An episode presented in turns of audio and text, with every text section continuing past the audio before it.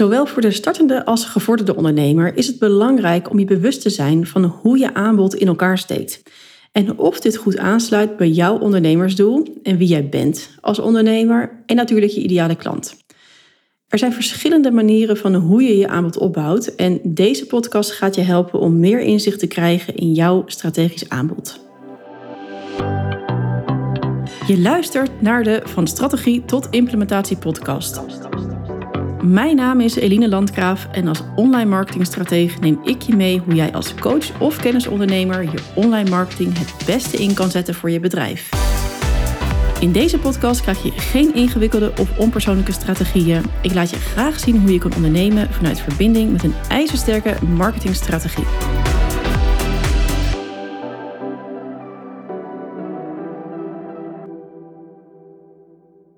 Welkom in de dertigste aflevering van mijn podcast. In deze aflevering wil ik je inzicht geven in de mogelijkheden van het neerzetten van je aanbod. zowel de valkuilen als de successen. En ik heb het dus vaak over een strategisch aanbod. En wellicht komen hier wel de vraagtekens bij je naar boven. En heb je geen idee wat ik hiermee bedoel. En laat staan hoe je dit voor je bedrijf kan neerzetten. Dus vandaar dat ik er nu even op inga en je wat meer inzicht ga geven in uh, wat ik daarmee bedoel en uh, wat je er zelf mee kan doen. Want mijn definitie voor een strategisch aanbod is dat het aanbod naadloos aan moet sluiten bij jouw doelen en wie jij bent als persoon en natuurlijk bij het verlangen van jouw ideale klant. Nou, dan even in te gaan uh, op wie jij bent als persoon. want hiermee bedoel ik dat echt mag ondernemen vanuit je, ja, vanuit je persoonlijk aangeboren kwaliteiten. En als je dit ook goed uh, verweeft in je aanbod en echt, echt vanuit jouw kwaliteiten kan gaan werken, dan wordt het ondernemen een heel stuk makkelijker. En vaak vergeten we dat stukje of zijn we er niet meer zo scherp op. En dan drijf je eigenlijk een stukje af van waar je eigenlijk zou moeten zitten. En dat is enorm zonde. Dus kijk goed naar jouw aangeboren kwaliteiten. Waar ben je goed in? Uh, wat zijn jouw ja, unieke kwaliteiten? En maak vanuit dat oogpunt, dat startpunt eigenlijk, jouw, uh, jouw aanbod op. Nou, wat ik ook benoemde, wat belangrijk is, is dat het uh, aanbod goed moet aansluiten bij je doelen. En om dat wat meer concreet te maken, heb ik daar wel even een voorbeeld bij. Want stel je bent uh, online coach en je wil, laat zeggen, 6000 euro per maand omzetten. En je vindt persoonlijke vrijheid belangrijk. dus je wil ook graag tijd voor je gezin, voor, om te gaan sporten, uh, voor vakanties, voor leuke dingen. En eigenlijk wil je het liefst maar twee of drie dagen werken. Nou, dan zou je dus ook echt naar een aanbod toe uh, moeten werken. waarbij je met één of twee klanten je omzetdoel al hebt. Dus uh, als je één op één, één traject hebt uh, waarin je al die 6000 euro vraagt, ja, dan ben je natuurlijk eigenlijk wel heel snel klaar en heb je een heel simpel businessmodel. Dus daarmee maak je het jezelf ook gewoon heel uh, gemakkelijk. Dan mag je zeggen, ja, ik vind 6000 euro voor een traject vind ik toch best wel ja, een hoge prijs om te vragen. nu ben ik een beetje zelf de draad kwijt bij wat hoge prijzen zijn. Want ik zie echt van alles en nog wat voorbij schieten. Dan kan je natuurlijk ook kijken van, nou goed, kan ik uh, drie klanten krijgen en ik vraag 2000 euro. Dus op die manier ga je gewoon kijken van, hey, hoe kan ik dit het beste afstemmen? En uh, behoud ik daarmee dus ook een stukje vrijheid waar, uh, waar je voor bent gaan ondernemen. Nou, dit was dan even een voorbeeld van een vrij simpel businessmodel. En daar wil ik ook eigenlijk wel even de aandacht op vestigen. Want maak het jezelf gewoon niet te ingewikkeld. Ik zie vaak ondernemers met echt een heel arsenaal aan diensten. En ja, daarmee uh, je gewoon simpel gezegd de focus. Dus hè, mocht je ook werken met een online programma, een groep, VIP-dagen, één op één coaching en zie je weinig beweging, wees er dan van bewust dat door zoveel aan te bieden, je eigenlijk, dus eigenlijk nergens echt een goede focus op kan hebben. En je maakt het jezelf daardoor onnodig uh, heel ingewikkeld. En dan ben je eigenlijk ja, heel druk met net niets. En daarmee zeg ik niet dat je het bij één dienst moet houden. Maar ik wil je wel adviseren om eerst één dienst goed op de kaart te krijgen. Dus ga eerst één dienst goed uitwerken en zorg dat het loopt voordat je het volgende alweer gaat inzetten. als je te veel aanbiedt, is het ook onoverzichtelijk voor je potentieel klant. Dus hou het gewoon simpel.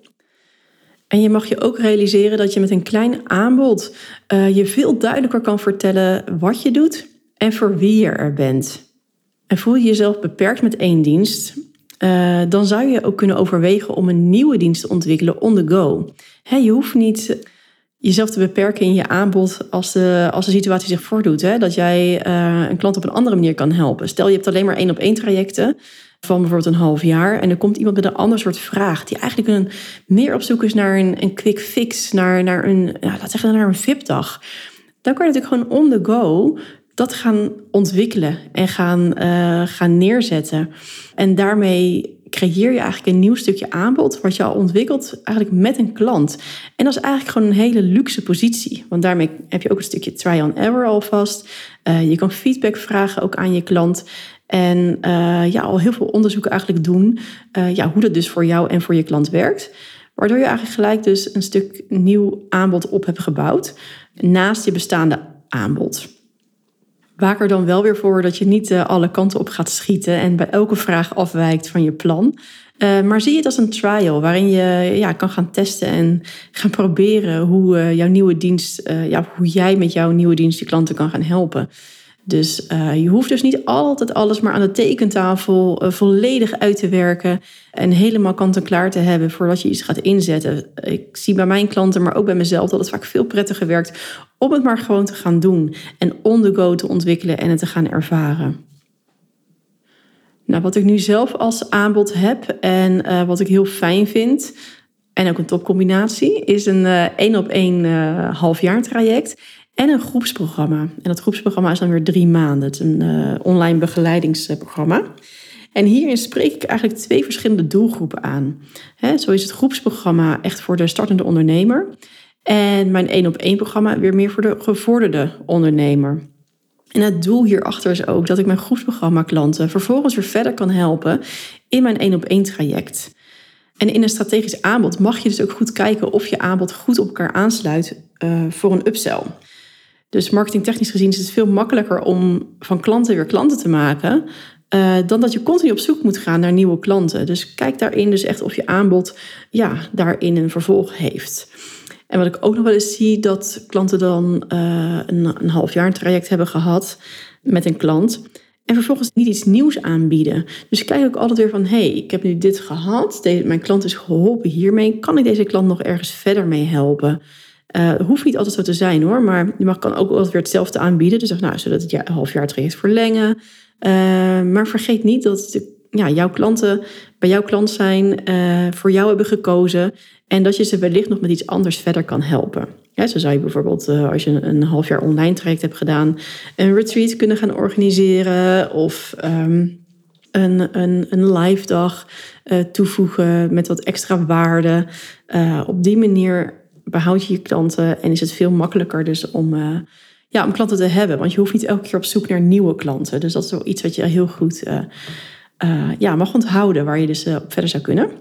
Oké, en wanneer kies je nou voor één op één trajecten en wanneer kies je nu voor groepen? Dat is ook wel iets wat vaak naar voren komt in gesprekken met mijn klanten.